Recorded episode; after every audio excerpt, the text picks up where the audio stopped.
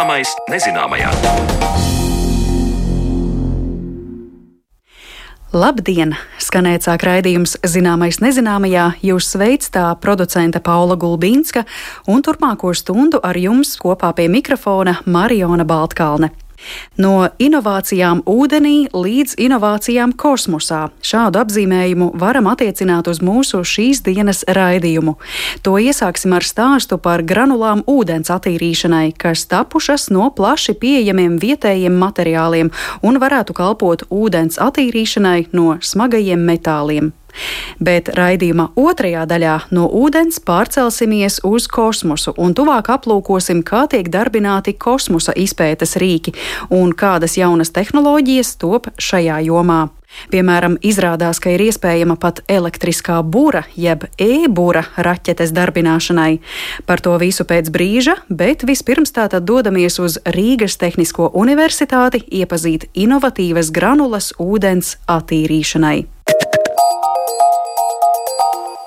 Ja mēs runājam par šo jauno inovāciju, man vispirms jājautā, par kādiem ūdeņiem mēs runājam. Jo mēs tātad varam lasīt, ka top inovatīvas granulas ūdens attīrīšanai, vai mēs runājam par notekūdeņiem, vai par saldūdeņiem, jūrām, okeāniem, kādam mērķim tas ir radīts. Tā konkrēti nav paredzēts nu, vai nu saldūdeņiem vai salsūdeņiem, bet uh, tas ir domāts notekūdeņiem, kur ir šie smagie metāli Dažāda veida šīs granulas vislabākos rezultātus tieši sniedz svina, tā kā apsarbēja svinu, bet, protams, atkarībā no notekūdeņu sastāva, tad tur ir jāpiemēro arī apstākļi dažādi, jo notekūdeņos arī blakus lietas ir organika un citi joni, un saldūdenī būs cita veida tas fons, un salsūdenī cita veida fons. Līdz ar to viss ir atkarīgs no tā, kāds ir tas fons.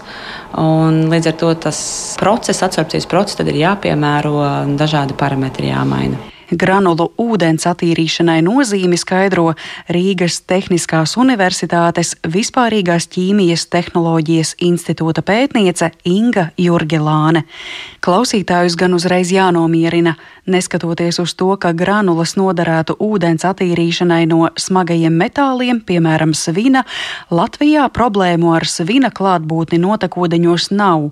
Protams, tas var parādīties svina cauruļu izmantošanas gadījumā, jo ir mājas, kuru kanalizācijas sistēmas caurules satur svinu, un tas laika gaitā var iekļūt ūdens sistēmā.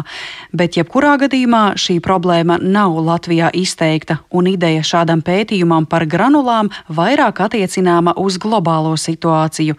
Pētniece skaidro, ka citvieta pasaulē svins notekūdeņos patiešām ir sastopams vietās, kur notiek ķīmiskā rūpniecība, akumulātoru ražošana un pārstrāde, kā arī dabīgo minerālu apstrāde, lai iegūtu konkrētus metālus. Ingai Jurgelānei jautāju, vai granulu radīšanai Latvijā iedvesma gūta no kāda ārvalstu pētījuma. Tā ideja par šāda veida materiāliem radās apstākļu sakritības dēļ, kad es pirms tam strādāju ar materiālu šungīts, pētīju organisko savienojumu absorpciju šī materiāla, un radās ideja, ka varētu pamēģināt arī smagos metālus. Bet, lai pēc doktorantūras projektā nebūtu tā, ka tomēr šis materiāls savu darbu nedara, tad mēs pamēģinājām arī līdzīgu materiālu, kas ir aktīvā ogle, jo šī šungīta sastāvā arī ir ogleklis. Tad mēs izdomājām, domājam, ka varētu arī pielikt klāt, kad būtu ogleklis no aktīvās ogles.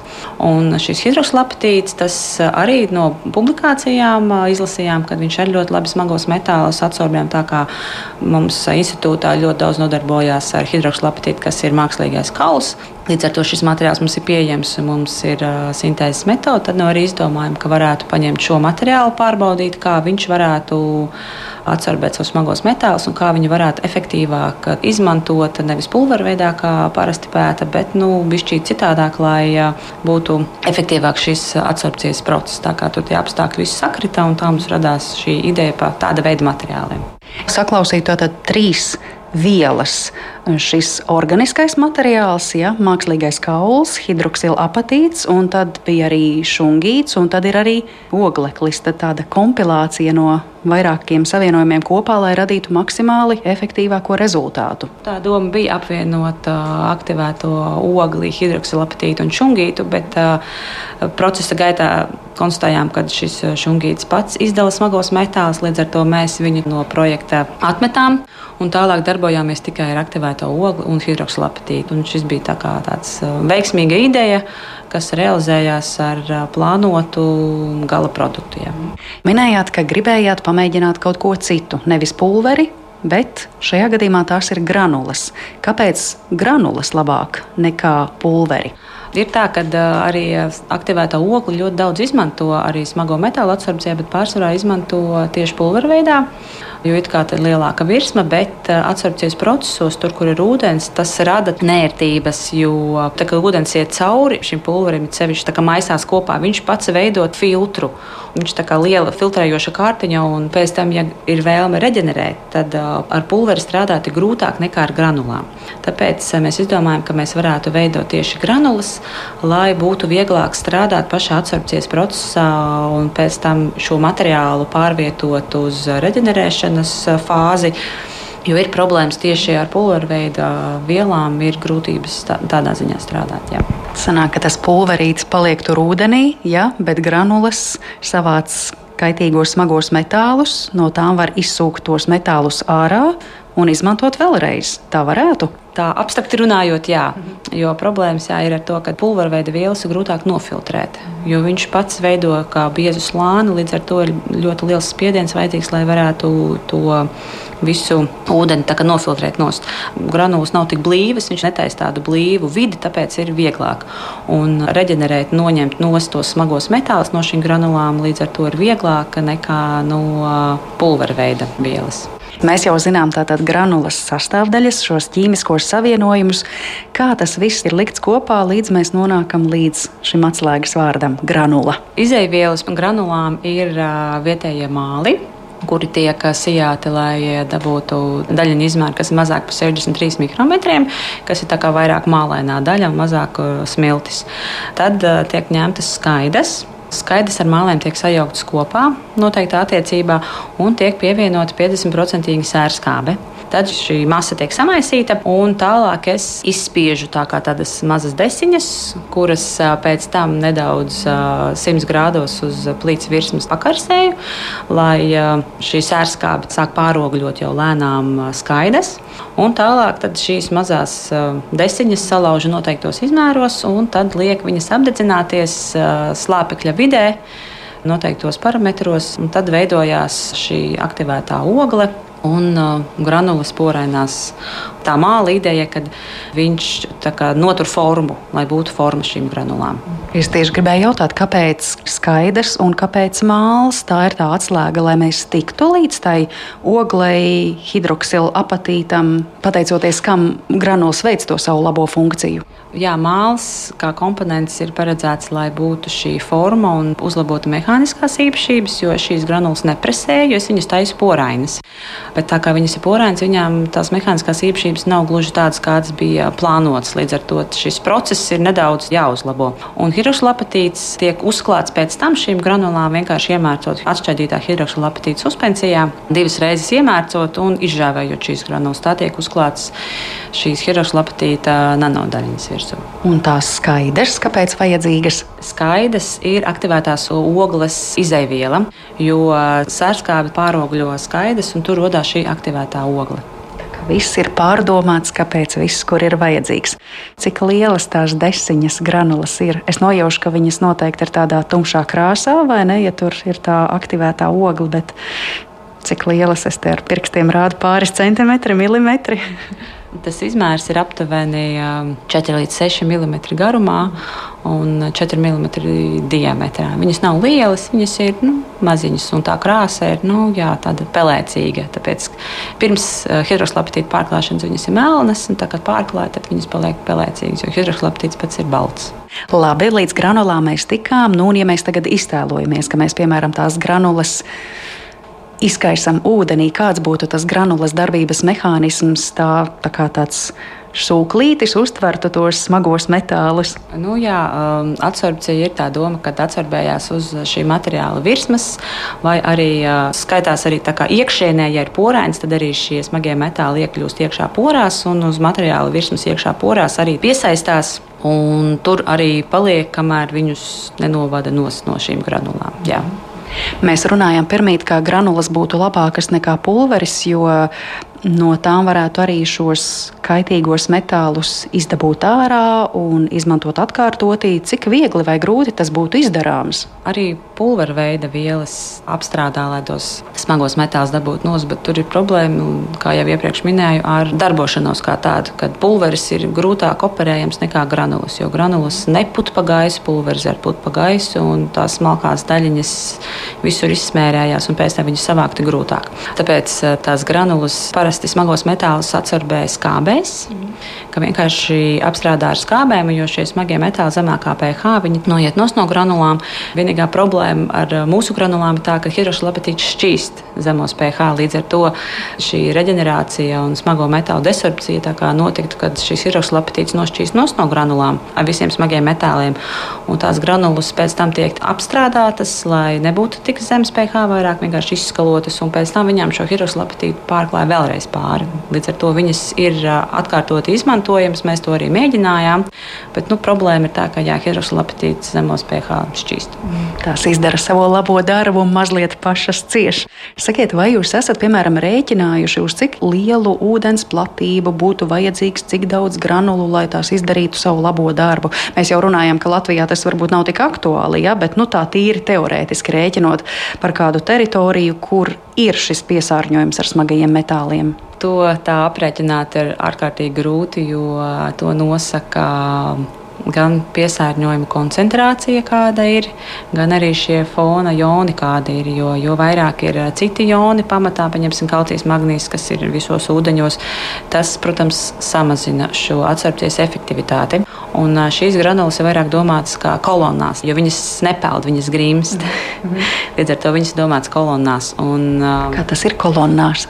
Kad uh, ūdens attīrīšanas sistēmās arī ir kolonnas, kuras saber šo materiālu, un tad ūdens plūst cauri šim materiālam. Ar noteiktu ātrumu, noteiktā spiedienā plūst cauri. Un līdz ar to šī attīrīšanas efektivitāte arī ir atkarīga ne tikai no koncentrācijas, kāda kā, ieplūst šajās kolonnās, bet arī no tā, kādā ātrumā viņš plūst. Un, uh, cik tā kolona ir gara. Jo garāka kolona, jo tā attīrīšanas efektivitāte attiecīgi ir uh, lielāka. Mm. Tad tas nav tā, kā es te pirmie minēju, mēs ar laivu iebrauksim ūdenī un izkaisīsim, ja tā tas nenotiktu. Diemžēl ne, jo viņas pēc tam nevar tā savākt, jo viņas nepeld. Ir granulas, uh, kuras peld, mm. ir tādas peldošas arī, bet šīs grimšķīs ir pa smagu priekšūdens. Mm. Bet ir šādi līdzīgi pētījumi arī citviet pasaulē pēc šāda principa, ja, ar granulām. Jā, pētījumi ir daudz un dažādi. Izmanto dažādus materiālus aktīvētās ogles iegūšanai, jo parasti izmanto to, kas atrodas konkrētajā valstī. Tā kā mums pārsvarā ir koku materiāls, tad mēs to taisām no skaidām. Citur ir kokus riekstu čaumolas, no kūdras arī taisa neaktivētu ogli, bet vispār priekš smagiem metāliem. Bet uh, galvenais ir to pamata materiālu, no kā šo aktivētu ogli var iegūt. Un, uh, tas ir atkarīgs no resursiem, kādi ir parasti uz vietas. Visbeidzot, eh, Kā jūs testējāt, kur jūs testējāt savu granulu efektivitāti? Jo es saprotu, tā efektivitāte ir pierādījusies. Kā jūs to secinājāt? Mēs veicām eh, testus dinamiskā režīmā, kad mums bija mazas paštaisītas kolonnas kurās mēs sabērām šīs granulas un pie noteiktā ātruma un koncentrācijām skatījāmies un izrēķinājām šo efektivitāti šīm granulām. Nu, mēs veicām tādus mazos pētījumus. Jā. Tas bija laboratoriskos apstākļos iespējams, jā? Jā, jā tas bija tepat laboratorijā. Mm -hmm. Tā tad granulas izrotē cauri kolonnai, un pēc tam jūs skatāties, teiksim, cik to kaitīgo metālu vēl ir palicis granulas kolonnā ir iebērtas, viņas kā pildījums ir. Un šis ūdens piesārņotais iet cauri šai kolonnai, granulas paliek nekustīgas, viņas stāv. Un zinot to, cik kādas koncentrācijas svinu es laižu iekšā, cik daudz ir izplūdes cauri, cik daudz man ir šīs granulas pēc svara. Un tad es, protams, mēru, kāds ūdens nāk ārā pēc tam, kāda ir tā koncentrācija. Un līdz ar to pēc šiem visiem aprēķiniem arī aprēķina, kāda ir šī efektivitāte, cik gramus svina šīs granulas var uzsūkt sevi uz viena grama granulu. Nu, cik spēcīgs ir Latvijas mākslas un skaidrs svina saistīšanā? Tā maksimālā bija pāri 50 mg uz gramu. Jā. Bet tas ir arī atkarīgs no izējas koncentrācijas, tā efektivitāte. Ļoti. Kā starp citu šie rādītāji, ko jūs minējāt, izskatās salīdzinājumā uz kokosriekstu čaumalu un citu materiālu fona? Cik labas ir mūsu granulas? Granulas ir salīdzinoši labas. Nu, jā, problēma ir šī mehāniskā izturība, jo no kokosriekšu čaumalām, kad taisa, tur ir, viņas ir daudz cietākas. Mēs viņas nepresējam, jo tur tās kokosriekšu čaumalas tiek uh, saskaldītas tādos lielākos gabaliņos, un tad viņas tiek uh, termiski apstrādātas, lai iegūtu šo aktivēto ogli. Bet mēs viņus, mums tā kā ir no, gandrīz no pulvera tiek taisītas tās granulas. Jo, nu, jā, priekšabsorpcijas eh, tie rezultāti ir labi, bet eh, šī mehāniskā izturība ir eh, tā, kas ir nedaudz sliktāka. Līdz ar to tas ir tas galvenais, pie kā mēs turpināsim strādāt, lai varētu nodrošināt, ka tās granulas ir konkurētspējīgas arī mehānisko īpašību ziņā. Kā saka Inga, darbs ir iesākts un būtu grēks to neturpināt. Un vēl viņa piebilst, katra zinātnieka sapnis un mērķis ir tas, ka paveiktais nākotnē tiktu ražots lielākos apjomos un reāli dzīvē izmantots. Tāpēc, kas zina, varbūt Latvijas māla un koka skaidu granulas ātrāk vai vēlāk pat tiešām būtu noderīgas kādā ar smagajiem metāliem piesārņotā pasaules vietā.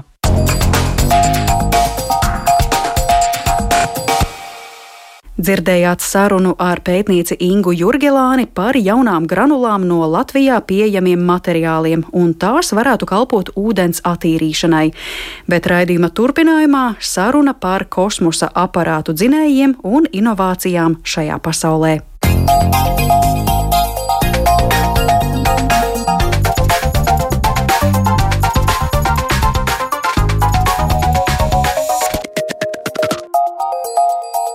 Zināmais nezināmajā. Ik pa laikam varam uzzināt, ka kosmosā palaists kāds satelīts vai cita veida izpētes rīks, un dažkārt mūs pārsteidz kādi uz Zemes nokrituši kosmosa atkritumi. Līdz ar tam, ka kosmosa pētniecības instrumenti veic kādu svarīgu uzdevumu, nemazāk būtiski ir tas, kā tie vispār spēj sevi uzturēt ar enerģiju, cik ilgi tie var darboties un kā šajā jomā attīstās tehnoloģijas, lai tas, ko palaižam prom no Zemes, izplatījumā savu uzdevumu veiktu pēc iespējas ilgāk un labāk. Šiem jautājumiem šoreiz esam atvēlējuši raidījuma turpmākās minūtes, un ciemos zināmais nezināmajā studijā es sveicu Tartu Universitātes asociēto profesoru Andriu Slavinski. Labdien! Sveiki, sveiki! Viņam pievienojas uzņēmuma Deep Space Energy dibinātājs un vadītājs Mihails Šķepanskis. Labdien! Labdien! Un attālināti mums šoreiz arī pievienojas Tartu Universitātes doktorants, Parīzes observatorijas pētniecības inženieris un vienlaikus satelīta StCube 2 sistēmu inženieris Jānis Dalbiņš. Labdien! Labdien! Lūk, sarunas ievadā es pieteicu, ka mums kosmosā atrodas dažādi izpētes rīki, piemēram, satelīti, bet es ticu, ka tā ir tikai viena lieta, ka tie nebūtu nav vienīgie instrumenti, tad no nu, es jautāšu jums, cik daudzi un dažādi šie rīki mēdz būt, kas mums tur izplatījumā atrodas. Andri, varos uz jums. Jā, jautājums ir ļoti plašs, un es domāju, ka mēs varam iedalīt sākumā lietas tās, kuras atrodas Zemes orbītā, un tie būtu satelīti. Un tad mēs varam runāt par uh, kosmiskajiem kuģiem, kuri dodas kaut kur tālāk Saules sistēmā. Un viss, kas notiek tuvāk Zemē, ir uh, savā ziņā vienkāršāks nekā nokļūt, piemēram, kaut kur uz Jupiteru. Bet neskatoties uz to, arī zemjā Zemes orbītā kosmiskiem aparātiem, satelītiem ir jālieto dzinēja sistēmas. Un, piemēram, viens tipisks pielietojums būtu Zemes novērošana. Un, uh, tur ir jānotur tā orbīta tā, lai satelīts regulāri tajā pašā laikā vai ar to pašu frekvenciju pārlidot pāri kādai vietai uz Zemes. Un, lai to orbītu tā noturētu, tad tam ir jāizmanto dzinēja sistēmas. Un tas būtu varbūt tāds pirmais piemērs, par kuru runāt. Un Vēl mums ir ģeostacionārie satelīti, kuriem ir jābūt tieši konkrētā vietā virs Zemes, un viņiem tā vieta orbītā ir jānotur, jo tur blakus ir citi satelīti. Un, ja viņi nespēja to vietu noturēt, viņi īstenībā apdraud citus satelītus. Un tad, dodoties dziļāk kosmosā ar kosmosa kuģiem, kā piemēram Rosetta, tad mums jāizmanto diezgan spēcīgas dzinēja sistēmas, lai pārvarētu tās orbitālās maiņas. Varbūt mēs nerunājam dzinēja sistēmu gadījumā par attālumiem tik daudz kā par to, cik atšķirīgas ir orbītas un cik daudz enerģijas mums vajag, lai pāriet no vienas orbītas uz otru. Tātad orbīta A un orbīta B. nu, es jūsu stāstā saklausīju to, ka mēs jau tad, kad runājam par satelītiem, tur jau ir vairāki veidi, ja vairākas grupas.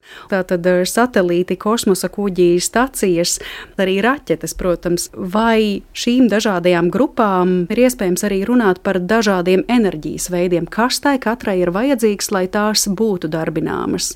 Arī raugos uz Andri, uz Jāni. Nu, Jāni. Raķetes ir tās, kas palīdz mums pārvarēt Zemes gravitācijas spēku un, un nogādāt satelītus kosmosā.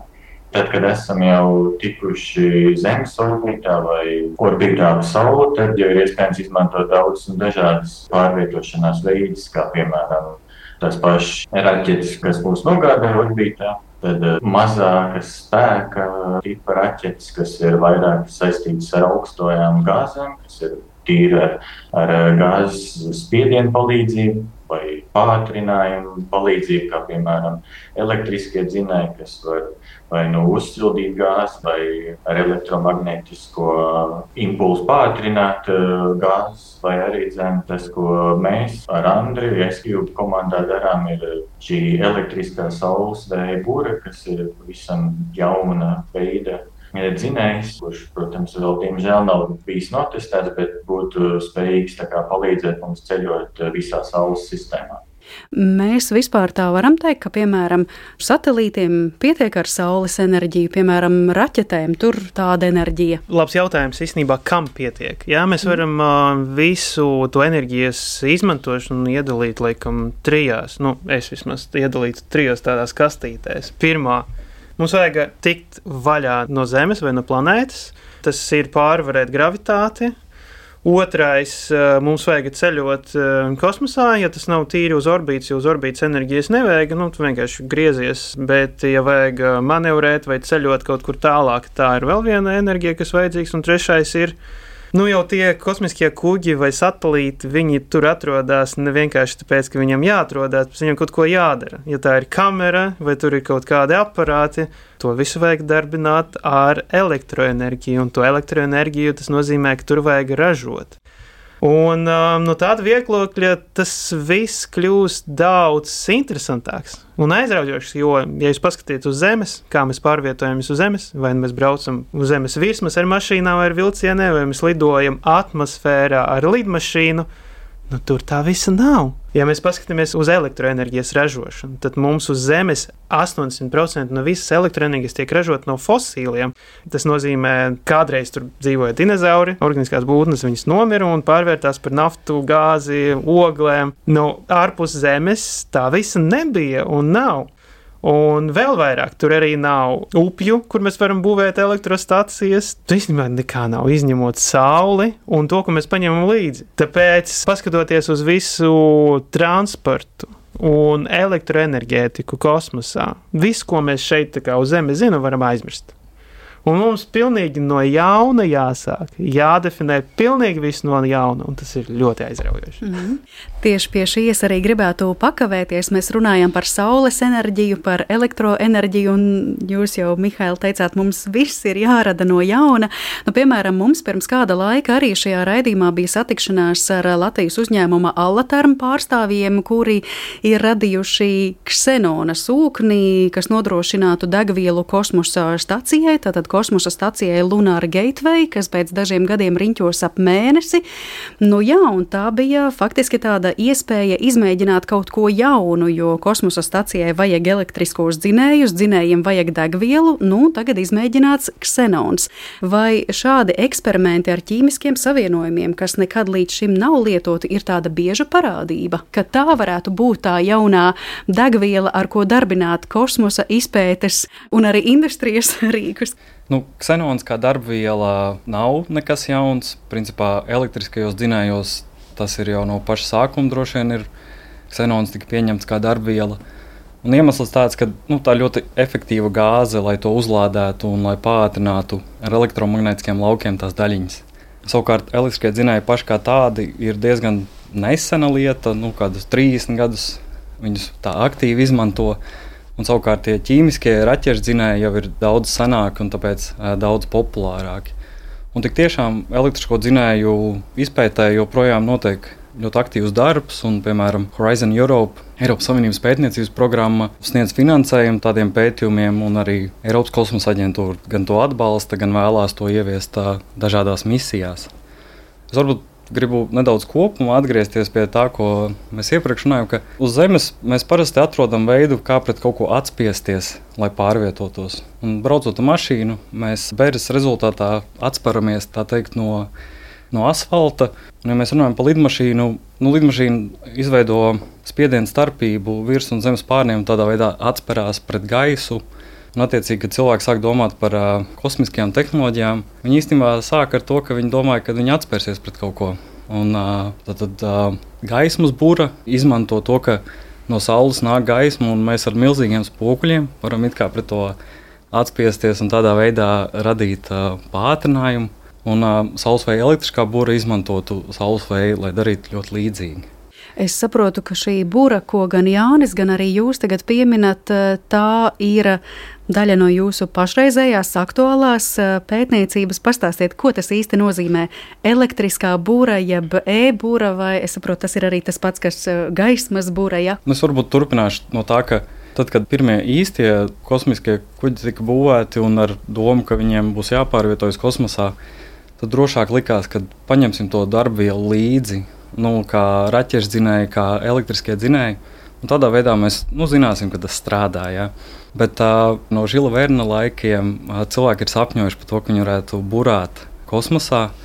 Un, principā gaismas būra ir pirmā tāda ideja, kurai grūti atrast, kurš tieši to izgudroja. Jo tā zinātniskajā fantastikā parādījās pirms tam. Un, nu, mums Jānis ir tāds gandrīz privilēģija strādāt ar somu zinātnieku Pekka Janhunenu, kurš izgudroja elektrisko saules vēju būru, ar kuru mēs varam principā, izmantot to, ka no saules nāk ne tikai gaisma, bet arī plazma, plazmas plūsma. Un, ja mēs tajā plazmas plūsmā ieliekam, piemēram, pavadienu, kurš ir uzlādēts, tad ap to pavadienu izveidojās elektrostatiskais lauks. Un tajā laukā saules veļa daļiņas maina savu trajektoriju, lidošanas trajektoriju, un tādā veidā atstāja daļu no savas enerģijas vai no spēka momenta tajā sistēmā. Tad galvenais iegūms no tā ir, ka mums nav jāņem līdzi darbviela. Mm. Attiecīgi, misija satelīta izmērs pavisam mainās. Protams, mums ir jāieliek tie visi pavadieni, viņi ir jāsatina. Un tas viss ir ļoti sarežģīti, un mēs jau 20 gadus varam to pētīt, un vēl, vēl ir daudz kas, ko darīt. Neskatoties to, ka tas ir tik ļoti sarežģīti, ir vērts tajā ieguldīties, jo, ja mums izrādīsies taisnība, tad mēs varam izmainīt to, kā šīs tālās kosmosa misijas tiek veidotas. Nu, mēs varētu sasniegt daudz vairāk ar daudz mazāk resursiem. Īstenībā, ja jūs tā bišķi pareflektējat, 15. gadsimtā cilvēki sasniedza jaunus horizontus ar to, ka viņi vienkārši sāka burāt kaut kur, jā, uz Ameriku, uz Indiju, uz Dienvidu Ameriku. Un, nu, tas skaistums ir tāds, ka tev kuģim nevajag neko līdzi ņemt, nu, izņemot pārtiku. Izņemot komandai. pašu buru. un buru, jā, bet bura nav degviela. Jūs vienkārši izliekat buru un izmantojat to, kas jau tur ir - vējš Un šeit mēs atgriežamies pie tā paša, vai ne? Mums ir no saules iet saules vējš, jā, tas uzlādē tās daļiņas vai plazma. Vienkārši viņš ir. Mums vajag iemācīties uzkurēt buru, kur viņu uztvers. Varbūt vienīgā atšķirība ir tāda, ka šī saules būra īstenībā arī patērē enerģiju. Ja? Viņa ir vajadzīgs enerģijas avots. Bet, nu, pieliekot nedaudz enerģijas, jūs iegūstat ļoti daudz enerģijas un veidu, kā pārvietoties uh, kosmosā. Tātad es nojaušu, ka stāsts ir par to, kā mēs enerģijas resursu, tātad saules enerģiju, izmantojam efektīvāk. Jāni, es pareizi izsekos, jā, droši papildiniet. Bet, bet ne tikai efektīvāk, bet uh, lai to pašu procesu varētu darīt, ir, mums, protams, ir jātiek prom no zemes. Un, Andris jau pieminēja to, ka e, šī ķīmiskās reakcijas dzinēji un elektriskie dzinēji līdz paņem savu degvielu. Tas nozīmē, ka satelīts arī dzēn aug daudz lielāks un, e, un viss šī masa ir jādabū kosmosā. Par katru kilogramu mēs maksājam noteikti apjomu. Un uh, labums no šādām elektriskām burām ir tas, ka viņas ir ļoti vieglas, ļoti mazas. Teiksim, elektriskā saules veidā ir diegs. Cilvēkiem viegli iedomāties, ka diegs ir spoli. Nesver daudz, un tādā veidā mēs varam lēti nogādāt šo kosmosa kuģi kosmosā. Un tad mums ir bezgalīgi daudz apjoma enerģijas, ko saule dod gan elektriskā enerģija, ko mēs varam ar elektriskajām saules šūnām iegūt, un uh, arī dzen, šī plazmas plūsma, kas vienmēr plūst prom no saules un uh, palīdz mums ceļot uh, dziļāk saules sistēmā. Kamēr jūs visu šo stāstījāt, es, protams, sev acu priekšā iztēlojos tādu ainu, kāda tā reālajā dzīvē droši vien nav. Nu, kā tas ir, ka kosmosa kuģis tiek nogādāts izplatījumā, un tur līdzi ir e-būra? Kā e-būra izskatās? Es sev uzbūvēju tādu bildīti, kā ir kuģis, tikai buras vietā jūrnieki ļoti labi zina tos milzīgos tīklus, tralus, ja, kas ir tur vairākas desmit reizes lielāki nekā paši kuģi. Tā būra šajā gadījumā ir tīkls vai diegs, kas ir nu, vairāk simtu reižu lielāks nekā pats tas satelīts. Bet nu, tas diegs vienkārši tur plīvo un tādā veidā tiem iedarboties ar to saules vēju, tad iekustina to nelielo satelītu. Mm -hmm. Jā, ļoti labi. Labs ļoti labi metāfora. Īstenībā pats pirmais izgudrojums 2004. gadā bija tiešām nu, tādas rūtiņas, bet Pekņānhunē nevar izdomāt, kā viņi īsti varēs dabūt ārā kosmosā. Un uh, tad vēlāk, 2006. gadā, viņš publicēja rakstu, kurā tas pavadījums ir ar centrabeidzes spēku iztīta pavadienu. Tātad tas tāds liels zirnekļu tīkls gandrīz vai. Un tas visu laiku griežās. Un tā griešanās kustība ir tas, kas to atšķir no citām dzinēju sistēmām. Bet es gribētu piebilst, ka nu, tā, lai nerastos priekšstats, ka tas ir vienīgais uh, transporta veids. Ir arī ātrāki veidi, kā nokļūt no mēneša uz Zemi, no mēneša uz Marsu, no mēneša uz asteroidiem. Ja tas ir nepieciešams. Jānis un Andris arī pieminēja, mēs varam runāt par angļuiski tā saucamā propulsion sistēmu. Propulsion sistēma. Okay. Nu, respektīvi, tas elektriskais propulsion, ka tiek uh, uzsildīta plāksnīte, kas uh, izdala daļiņas, un tās daļiņas tiek sviestas ārā, tāpat tā kā raķetē, tikai ionizētas daļiņas, un attiecīgi tas kosmiskais kuģis kustās atkal tagad, tas atkal ļoti, ļoti lēni notiek, jo vienkārši mums nav pietiekami jaudīga enerģijas avota, lai uzsildītu stipri. No Eiropas aģentūra tagad iegulda diezgan daudz resursu, lai izveidotu uh, kodola reaktoru, kas uh, darbinās, un tad, attiecīgi, mēs varam daudz ātrāk kustēties. Uh, Nu, tikai vajag saprast, priekš kam tas ir vajadzīgs, bet tehnoloģijas ziņā, protams, visas tās tehnoloģijas nav tādas, ka mēs paņemam no plaukta un pielietojam, bet nu, ar šo mūsu tehniskā progresa ātrumu, kas tagad ir, mēs nerunājam par gadsimtiem. Mēs pat nerunājam par pusgadiem, mēs runājam par 10, 20, nu, varbūt 30 gadu, un mēs jau vairs domāsim, ak, Dievs, tas ir pilnīgi normāla lieta, par ko mēs šeit vispār mm. domājam. Ja? nu, skaidrs par e-būru mēs tikām skaidrībā kārtībā, un paldies, ka jūs arī palīdzējāt uzbūrt tādu vizuālu sapratni. Un, eh, jā, par šo buru mēs noskaidrojām, ka tā ir tāda saules eh, enerģijas efektīvāka un ne tikai efektīvāka izmantošana, bet es vēl gribētu jautāt, kā vispār citos gadījumos, kad mēs runājam par citiem eh, degvielas enerģijas veidiem, ko izmantotu šie kosmosa rīki, kā šī enerģija līdz šim tiek piegādāta un kā, piemēram, vispār šie rīki spēja varbūt brīdināt, informēt, ka viņiem tūlīt tā enerģija beigsies. Nu, mēs zinām, ikdienā mums ir dažādi roboti, pašgājēji roboti, kas var signalizēt, ka man tulīt, jā, viss baterijas beidzas.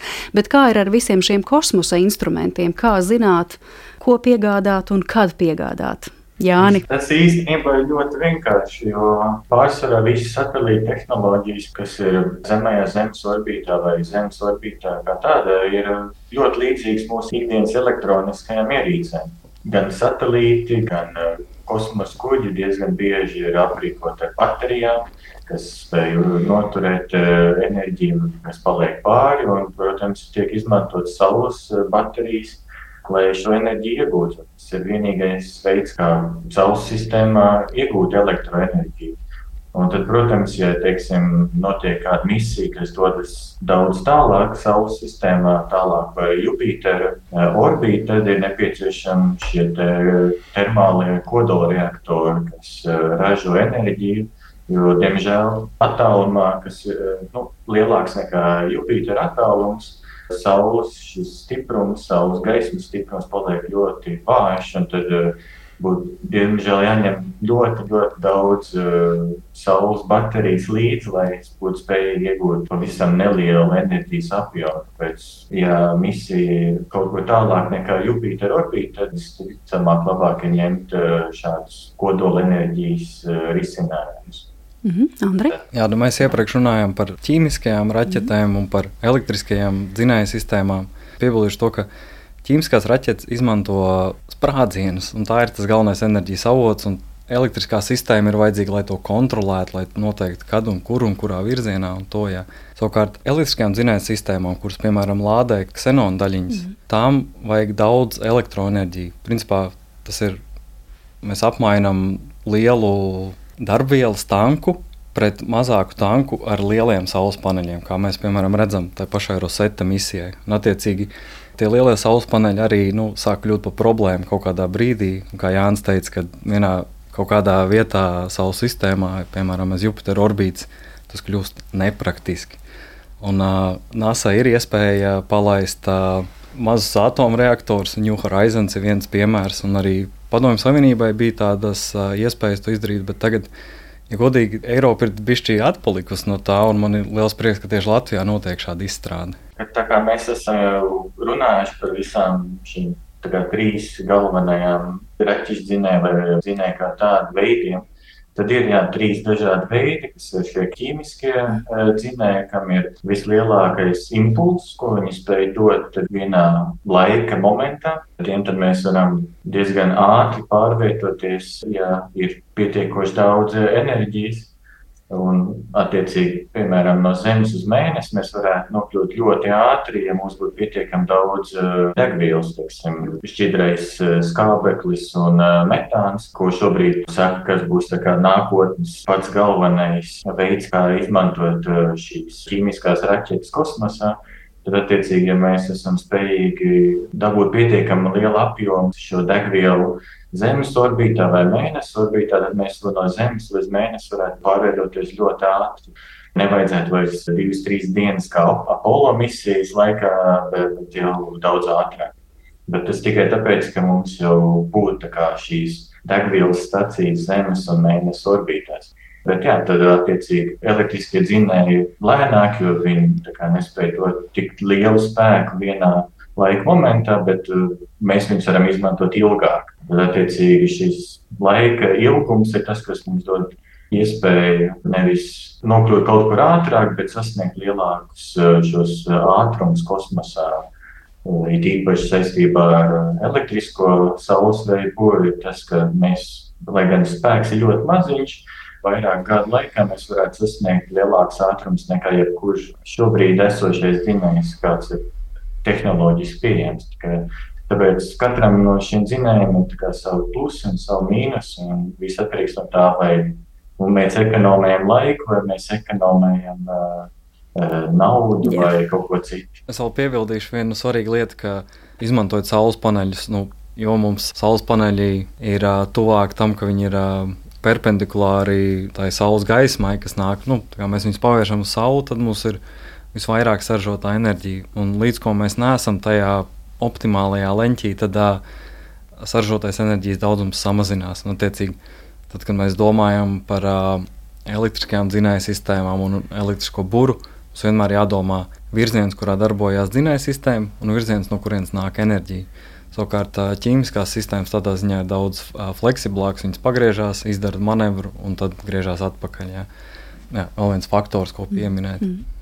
Tad, tad sanāk, ka visu izšķir tas, cik tālu un uz kurieni mēs šo instrumentu sūtām. Tas arī noteiks, ja, kāda tā enerģija, degviela ir nepieciešama. Vai tā ir ķīmiska, elektriskā, cik daudz galu galā to dot līdzi, lai kādā brīdī tās baterijas neizlādējas. Ja? Nē, nu tur um, kā jau teicu, ka īstenībā trīs lietas mums vajag tikt vaļā no Zemes gravitācijas, pēc tam mums vajag pārvietoties, un tad mums vajag darbināt tās elektriskās iekārtas, kas ir uz borta. Un atkarībā no tā, kur tas viss notiek, un kādā no šīm trim enerģijas izmantošanas veidiem mēs esam, tad um, arī atkarīgs, kā mēs to enerģiju ražosim. Diemžēl par laimi kosmosā nav vienas tādas enerģijas avota, ko mēs varētu izmantot visam. Nu, līdzīgi kā uz Zemes, arī jebkura tur enerģijas ražošanas kompānija, viņa centīsies, lai viņi būtu aktīvi gan hidroelektrostācijās, gan saules paneļos, gan biogāzē, ja? tāpat arī kosmosā. Šeit Andris pieminēja ļoti spilgtu, man liekas, piemēru. Tas ir Rozeta misija, kas no es kā Eiropietis esmu pilnīgi lepns, ka Eiropas kosmosa aģentūra 2012. gadā sasniedza komētu, kas ļoti ātri lido, un mēs pat ne tikai viņu sasniedzam, mēs arī izsēdamies uz viņu. Bet tā misija, man liekas, viņai vajadzētu būt neveiksmīgai pēc tā, kā viņi tika uzbūvēti, tāpēc, ka tur tika izmantot saules paneļi absolūti tālu no Saules. Tas nozīmē, ka prezenta misija uz pusotra gada izslēdza. Kā, tas kosmiskais kubis lido visumā, un uz pusotru gadu mēs viņu izslēdzam ārā. Un pēc pusotra gada mēs ieslēdzam, un mēs lūdzam Dievu, lai mēs viņu atrastu, kur viņš ir. Ja? Paldies Dievam, tas notika. Kāpēc viņi izslēdza? Tāpēc, ka viņi vajadzēja uzkrāt baterijas. Jā, visu to laiku saules paneļi ražoja, bet nepatērēja enerģiju pat arī komunikācijā ar Zemi. Mēs uzkrājam tās baterijas, un tad mēs izsēdam, lai vienkārši mums pietiktu enerģijas, lai mēs varētu nofotografēt, nofilmēt to komētu un izpētīt, no kur viņa sastāv. Bet tā neveiksme bija tāda, ka tas filāja modulis, kas nolaidās uz to rozeta, kad viņu projektē mēs reāli nezinājām, nu, kā tā komēta vispār sastāv, pat kā viņa izskatās. Un, kad pielietojam klāt, izsēdinājums, un tur bija četri āķi, kam vajadzēja ieķerties tajā komētā. Īstenībā trīs no viņiem nenostrādāja, un tas filāja, viņš vienkārši nokļuva pusēnā, un uh, tik, cik viņam baterija bija, tik mēs arī varējām izmērīt. Pēc cik tu četrām stundām viņš vairs nedarbojās. Viss, jā, tad, tad, ļoti izdzīvu cikls. Bija. Risks, ka tur kaut kas var beigt savu dzīvi, ja pastāv. Jā, tāpēc tas nav tā, ka mm -hmm. viņš mhm. signalizē, ka man beidzās enerģija. Nu, beidzās, jā. nu, piedodiet, nu, man vairs nekā nav cita, jā, mhm. uzklājas. Mēs nevaram tā kā tagad pateikt, jā, aizbrauc uz benzīna tanku un uzlādējies. Tur vienkārši, nu, mm. uh, nav. Bet uh, Andris pieminēja, ka Eiropa tiešām šajā ziņā ir iepalikusi. Jo bez saules paneļiem ir otra tehnoloģija, kas uh, dziļā kosmosā tiek izmantota enerģijas iegūšana. Tas ir radioizotopa enerģija. Tas īstenībā tas, ar ko mūsu uzņēmums tieši nodarbojas.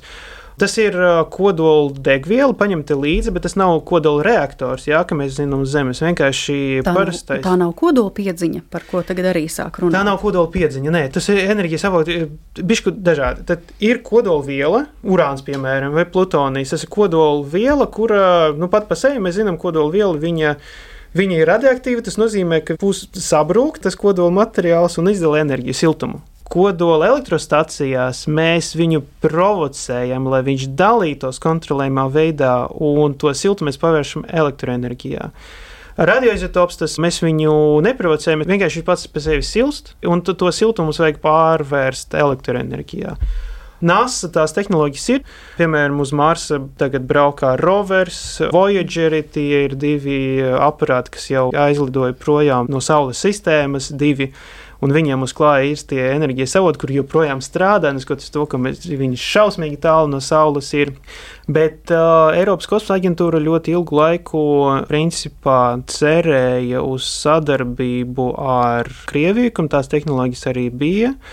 Es atvainojos par to, ka es šo geopolitisko jautājumu šeit atnesu, bet nu, tas nav iespējams vairs. Un īsnībā, piemēram, Examars visa programma Eiropas kosmosa aģentūrā tagad zem liemas jautājuma zīmes. Uh, Arī raķetes Eiropai ir tikai viena Ariane, un tas arī paskaidro to, ka Eiropas kosmosa aģentūra tagad atvelta diezgan daudz līdzekļu tieši kodola enerģijas jautājumiem kosmosā, jo tā ir vienīgā alternatīva Saulei.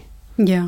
Pietuvojoties šīs sarunas noslēgumam, es vēl gribēju pieminēt kosmosa atkritumus. Piemēram, arī pavisam nesen bija manāms ka, un lasāms, ka Rietumā Austrālijas pludmalē ir piezemējies 2,5 metru augsts cilindrisks objekts, kas sākumā pat ir cilvēkus pārbiedējis, un turpat policija to visu ir norobežojusi, baidoties, ko tas varētu cilvēkiem izdarīt, bet nu, pēc tam ir tapis skaidrs, ka nekāda mistika tā nav. Atkritums, tātad uh, ciets raķetes dzinēja korpus, kas kas eh, varētu tikt nogādāts Rietuma Austrālijas muzejā.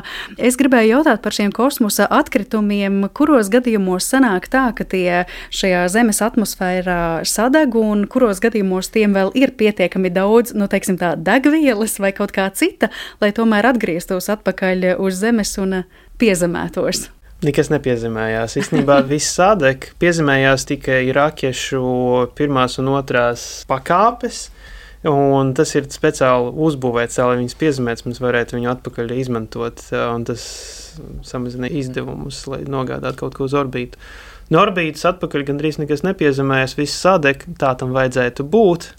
Tāpēc īstenībā katram satelītam uz klāja ir neliels daudzums ar uh, degvielu, kas ir visbiežāk ūdens.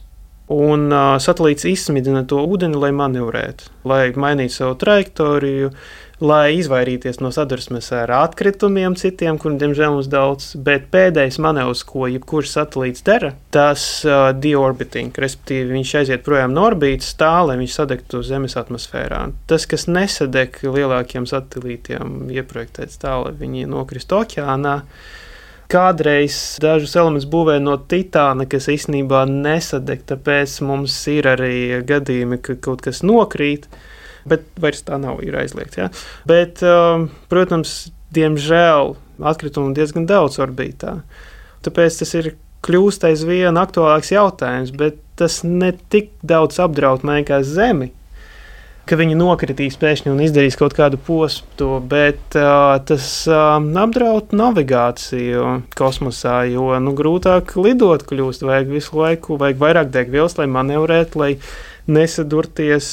Tas īstenībā viens arī svarīgs jautājums, kāpēc mums vajag, piemēram, lidot uz mēnesi, tāpēc, ka uz mēnesi ir ūdens. Un īstenībā, ja mēs jau ir izpētīts, ja mēs spēsim iegūt ūdeni, tad mēnesis krateros, kur ir ēna, un tas viens kilograms ūdens maksās mazāk par 600 dolāriem par kilogramu, tad ir izdevīgāk viņu nogādāt uz Zemes orbītu un uh, piepildīt klātos satelītus, nu, līdzīgi kā benzīna tankā šeit mēs runājam uz Zemes. Jā, mēs viņus piepildām klāt.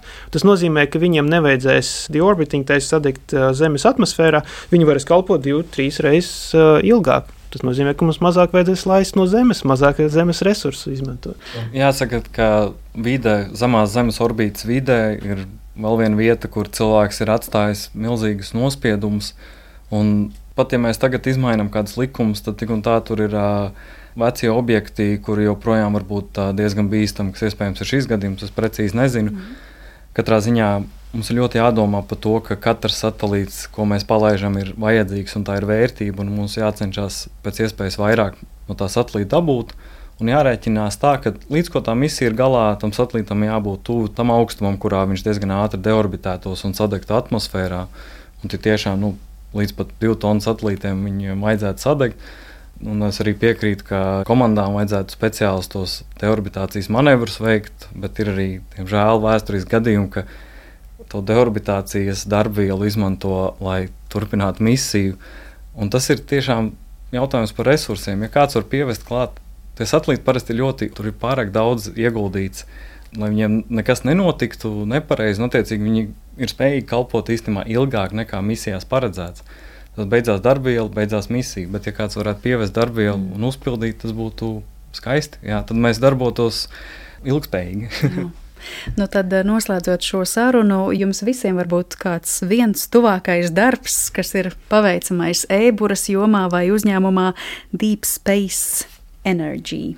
Mēs veicam izpēti pašreiz un konceptuālo dizainu. Mēs noteikti centīsimies uztaisīt uh, jaunu enerģijas generatoru kosmosā, kas ļaus Eiropas, nu tikai Eiropas, bet pārsvarā Eiropas misijām efektīvi ceļot. Nu, teiksim tā, ja jūs paskatīties pirms 50, 100 gadiem, tad uh, Amerika, Austrālija bija kā cits planētas. Mēs uz turieni lidojam ļoti reti vai ļoti ilgi ceļojām. Nu, lūk, ja jūs paskatīsieties uz 50 gadu uz priekšu, pat 30, es tiešām ticu, ka Zeme, Mēnesis, Mars, asteroidi. Tur būs tāds pats trafiks, kā starp, tagad starp Zemi un starp, zemi, starp Eiropu. Satiksme būs intensīva. Ameriku, jā. jā, un mm lai tas tā būtu. Lai tā notiek. Jāni, kā ar e-būru? Vispirms vajadzētu pārliecināties to, ka varam šo e-būru izmantot un tehnoloģiski pārliecināties, ka esam spējīgi to darīt. Un, tāpēc es gribu divu misiju, kas tiks palaista septembrī. To arī mums centīsies uh, parādīt, cik labi mēs esam bijuši inženieri. Mm. Turam īsti to, ka raķete neuzsprāgs un nebūs tādas problēmas. Tad jau mēģināsim pārliecināties par to, ka mūsu dizains ir labs. Tad jau, ja dizains ir labs, tad lidojam uz mēnesi pēc tam. Mm -hmm. Šis STCube divi satelīts būs tas, kas jau izmēģinās to e-būru. Ja? Tehnoloģiski jā, mums mm. ir jāiemācās, kā šo būru izritināt. Un, lai, tad, kad zinām, kā to darīt, tad arī tad varam mēģināt uh, šo pašu izdarīt uh, mēnesi orbītā. Starp citu, tas ir tīri Latvijā radīts, vai tas ir arī kaut kas vienā vietā, kaut kas citā vietā un tad salikts kopā? Jā, nu, mēs strādājam Tartu un Igaunijā vada to misiju. Derīgā krava, elektriskās būras derīgā krava nāk no Somijas. Man arī doktorants Jaroslavs pie tā ir strādājis. Prieks par to bijušais doktorants jau absolvents. Un, savukārt, tagad, kad mēs runājam par mēnesi misiju, tur viss kļūst tā pa kārtu sarežģītāk un dārgāk. Un mums ir daudz partneri gan no Vācijas, gan no Zviedrijas, gan no Itālijas. Un tas ir mans galvenais mērķis, ir uh, publicēt rakstu par to misijas konceptu, kas mums būtu derīgs, lai pēc tam rakstītu pētniecības pieteikumus Un, savukārt, ko mēs trietā gribam kaut kad varbūt rudenī darīt, ir uh, uztaisīt tādu īsēlu konceptu, ar kuru varētu izlidot ārpus Saules sistēmas.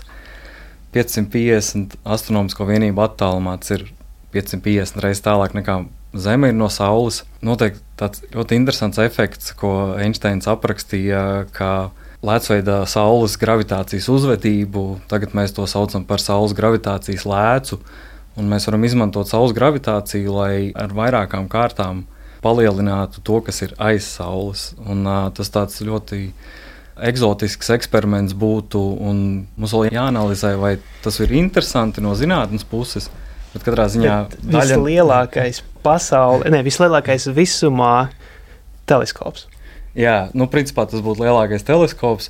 Mēs gribam analizēt, vai kāds būtu tā elektriskā būra, kas tur var nokļūt un kādu mēs ražot enerģiju. Jo šai misijai saules enerģija nestrādās. Bet to elektrisko būru mēs izmantotu tuvu pie saules, lai pātrinātos pēc iespējas vairāk, tad, kad mēs esam tūmā, jo vienā brīdī jau kļūst neefektīvi to darīt. Nu, tad tiešām, kā Jānis teica, jātur rīkšķi, lai tā raķete neuzsprāgst, ja?